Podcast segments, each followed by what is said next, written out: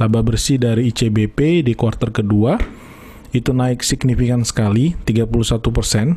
Ya wow ini luar biasa sekali.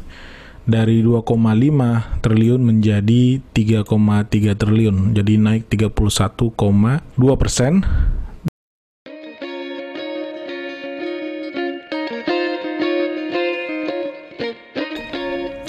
Halo, apa kabar semua? Salam investasi, yo yo yo. Kembali dengan saya Yosi Girsang dari Tagar.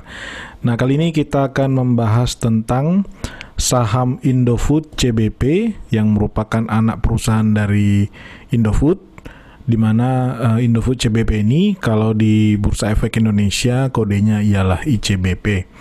Ya, yang seperti kita ketahui bahwa ICBP telah merilis laporan keuangannya untuk uh, kedua di 2020.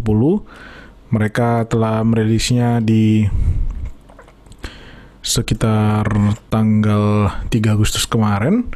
Jadi masih fresh sekali. Nah, sekarang kita akan membedah sebenarnya bagaimana update dari perkembangan kinerja keuangan dari ICBP setelah adanya pandemi COVID-19 dan adanya PSBB di terutama kota-kota besar di Indonesia di hampir seluruh kota besar di Indonesia. Nah, saya akan coba uh, sharing untuk uh, slide-nya atau Excel-nya gitu ya. Jadi ini laporan keuangan dari ICBP yang sudah dikeluarkan. Kalau kita lihat dari sisi penjualan ya ICBP mencatatkan kenaikan ya. Kenaikannya uh, masih di bawah 10% sekitar 4,1% dari Juni 2019 yang lalu atau kuartal kedua 2019 yang lalu 22 triliun naik menjadi 23 atau naik sekitar 4,1% dan dari sisi laba usaha itu langsung naik. Kalau kita lihat angka di sini itu naiknya cukup signifikan itu angkanya bahkan mencapai sekitar 21,5 persen. Dari 3,8 T menjadi 4,67 T. Jadi signifikan sekali. Dan memang kalau kita lihat terutama itu dipengaruhi dari yang pertama ini eh, dengan penjualan yang naik 4% ternyata laba bruto itu bisa naik uh, kurang lebih 10% dari 7,5 T menjadi 8,3 dan ditambah lagi yang cukup signifikan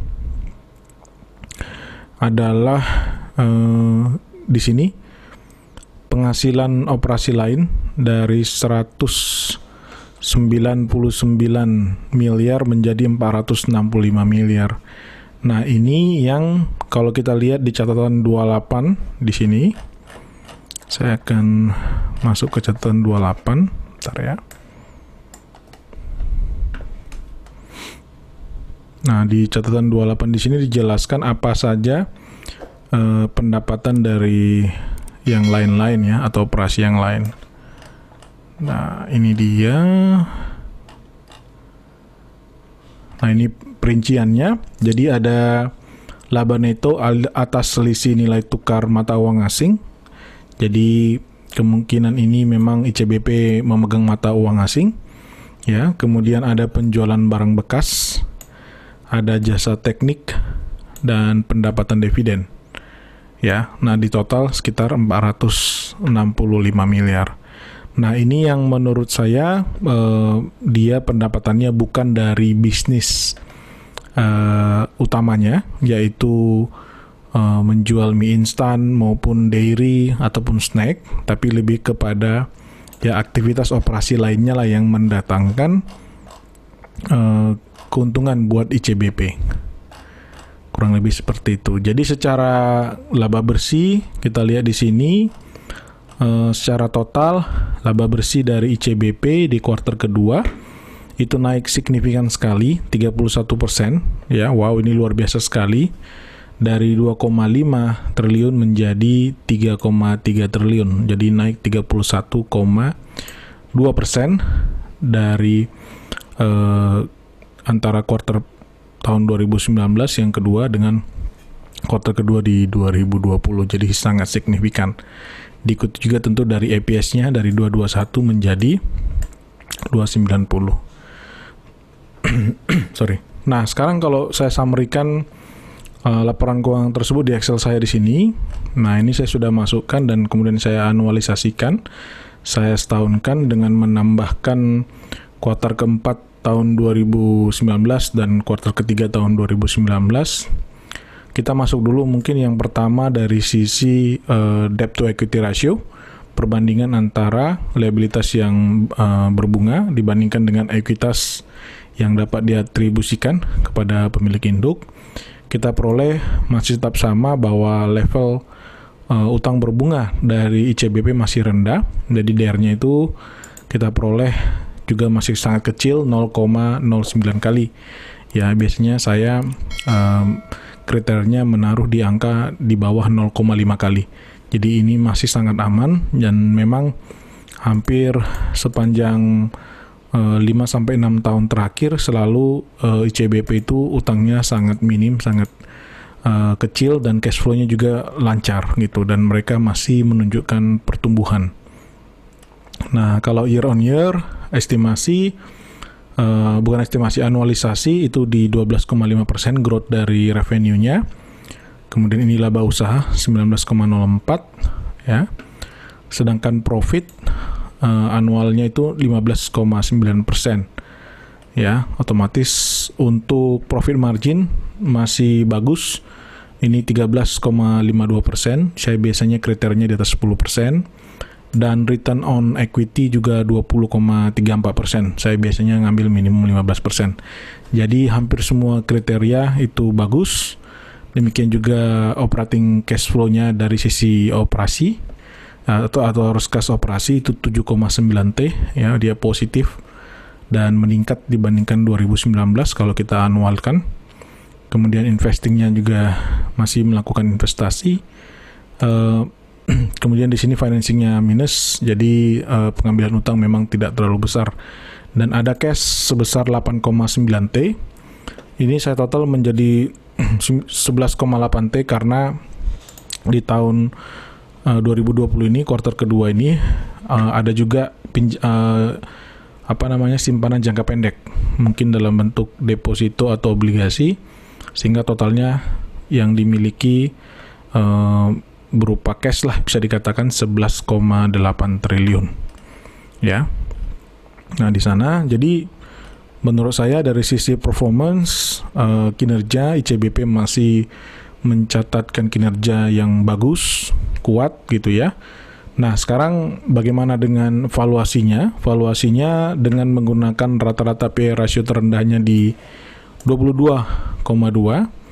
Saya tidak langsung menggunakan EPS 501 ini karena tadi saya hitung growth-nya dibandingkan 2019 itu cukup signifikan 15,91 Padahal tadi waktu kita analisa juga sebenarnya ada pendapatan dari operasi lain yang tadi ada apa nilai kurs mata uang yang menurut saya itu bukan sesuatu yang dari uh, utama gitu ya. Maka saya mengambil EPS-nya uh, growth-nya kurang lebih 10%. Jadi dari 432 di 2019 itu saya ambil naikin 10% dapat 475 ini menjadi base EPS relatif yang saya gunakan untuk valuasi menghitung uh, berapa sebenarnya harga mulai rendah dari uh, eh, SCBP ini dan saya peroleh angka di 10.551. Saat uh, podcast ini saya buat itu harga per lembar dari ICBP sekitar 10.000 dan artinya ini masih uh, tergolong murah sebenarnya walaupun spread antara murah dan mahal dari ICBP berdasarkan uh, uh, PE ratio di 6 tahun sebelumnya itu hanya antara range 10.500 dengan uh, nanti mulai dijual lagi di 13.600. Jadi range-nya uh, tidak terlalu besar, mungkin sekitar 20 persenan gitu. Nah, terus uh, kurang lebih itu jadi sebenarnya masih under value masih uh, murah gitu. Cuman yang menjadi kekhawatiran adalah tentang uh, rencana untuk pembelian Penhill Company ya yang akan fokus ke market yang ada di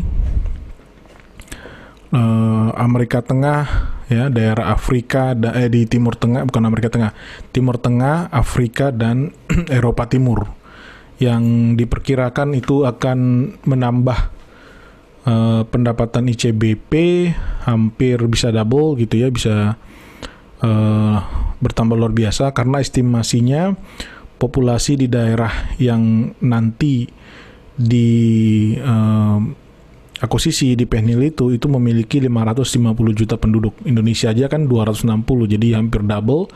Bahkan dari sekitar negara-negara yang akan menjadi tujuan pasar, di sini disebutkan ada Arab Saudi ya, masuk Timur Tengah ini Afrika, Nigeria, Mesir, Timur Tengah, kemudian ada Eropa, Turki, Serbia, Ghana. Itu diperkirakan 885 juta. Cuman yang menjadi persoalan adalah pertama harganya. Jadi rencana akuisisi itu sekitar 44 triliun rupiah. Sementara per 2019 terakhir kemarin ya, itu dari laporan keuangan Penhil sendiri perusahaan itu hanya mampu mencetak uh, penjualan sekitar 533 juta dolar Amerika Serikat ya. Atau ini mungkin kalau kita rupiahkan dengan 14.700 uh, ini sekitar ya 6 triliun lebih lah ya. Mungkin 6,7 triliun gitu. Nah sedangkan uh, untuk laba tahun berjalannya ya itu sekitar 43 yang dapat diatribusikan 43 juta dolar Amerika Serikat atau kalau kita rupiahkan ini hanya sekitar 630 miliar. Ya, bayangkan akuisisi 44 triliun padahal perusahaan itu di tahun lalu itu hanya mampu mencapai penjualan uh, atau uh, sorry laba bersih 630 miliar. Ini terus terang uh, sangat mahal sekali. Dan tapi ya banyak yang bilang ini wajar kenapa? kalau kita telusuri lagi memang siapa sih uh, pemilik saham dari Penhill ini gitu ya. Jadi uh, secara terbuka memang bahwa uh, begini bentuk dari organisasinya ya. Di sini sudah dijelaskan di salah satu surat sebentar ya. Nah, ini dia. Jadi nanti saham yang akan dibeli di sini uh, Penhill Corpora sama Steel Lake ini uh, dalam jumlah uh, sekitar 44 triliun totalnya. Dan di dalam Penhill Corpora ini pemiliknya adalah uh, ya founder ataupun generasi kedua dari Indofood juga Bapak Anthony Salim gitu. Beliau memiliki 49% saham di Penhill Corpora bersama dengan beberapa kerabatnya sisanya gitu. Nah ini ya secara logika pasti ya berharap untuk dibeli mahal dong gitu ya dan kalau kita lihat bagaimana cara untuk uh, menilainya, menilai harga wajarnya itu menggunakan uh, angka prediksi dengan pertumbuhan yang cukup signifikan. Jadi yang tadi 630 miliar di 2019 itu dalam uh, beberapa tahun ke depan diperkirakan akan dapat menambah uh, keuntungan. Jadi kalau sudah diakuisisi mereka akan melakukan ekspansi sehingga dengan harapan nanti 44 triliun ini bisa di dibayarkan ataupun bisa dikembalikan uh, dengan penjualan yang terus meningkat signifikan dari tahun ke tahun ini yang menurut saya uh, mungkin terlalu confidence. Uh, kalau saya sih melihatnya lebih kepada uh, adjustment supaya uh, terlihat bahwa nilai ini sebenarnya sesuatu yang wajar. Tapi kalau saya pribadi, baik lagi ini adalah opini saya Menurut saya angka itu terlalu mahal 44 triliun dengan perusahaan yang saat ini 630 miliar rupiah untuk laba bersihnya ya gitu. Kita boleh membeli masa depan tapi ya estimasinya juga harusnya tidak uh, terlalu signifikan seperti itu. Jadi nantinya semua ketika diakuisisi akan seperti ini gitu ya. Jadi kalau saya bisa uh, sedikit kembali tentang kinerja. Terus terang kinerja ICBP saat ini uh, bagus dan menurut saya uh, performanya juga tetap bisa bertumbuh walaupun adanya pandemi COVID-19 masih bisa bertumbuh untuk penjualan maupun bahkan laba bersihnya gitu ya. Namun uh, yang menjadi pertanyaan adalah karena ya, nanti ya pembayaran 44 triliun itu dibayarkan oleh ICBP kepada Penhill itu dengan menggunakan skema utang. Sementara kita ketahui bahwa ya ICBP itu sudah lama tidak memiliki utang yang besar gitu.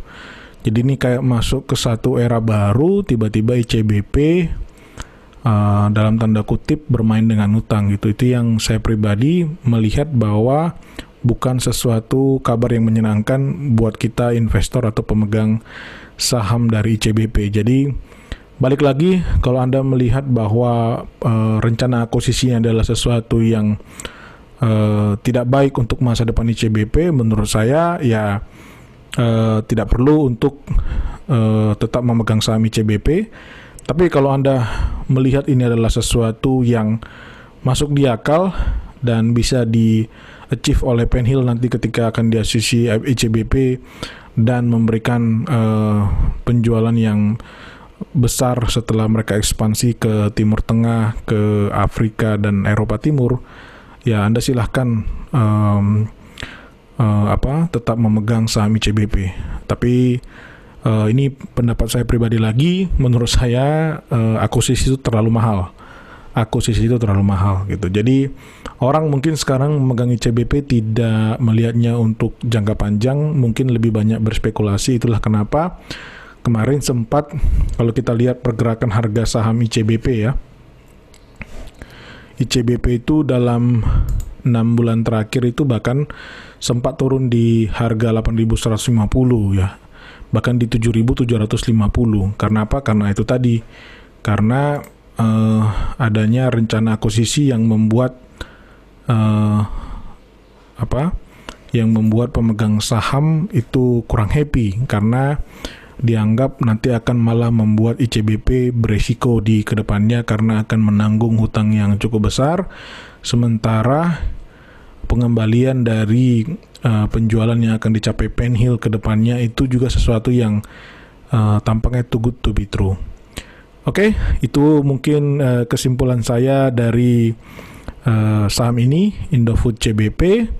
Semoga ini bermanfaat dan saksikan terus uh, podcast kami tentang investasi dan keuangan dengan saya Yosi Kisang dari Tagar TV Terus ikuti acara-acara kami. Terima kasih, salam investasi. Yo yo yo.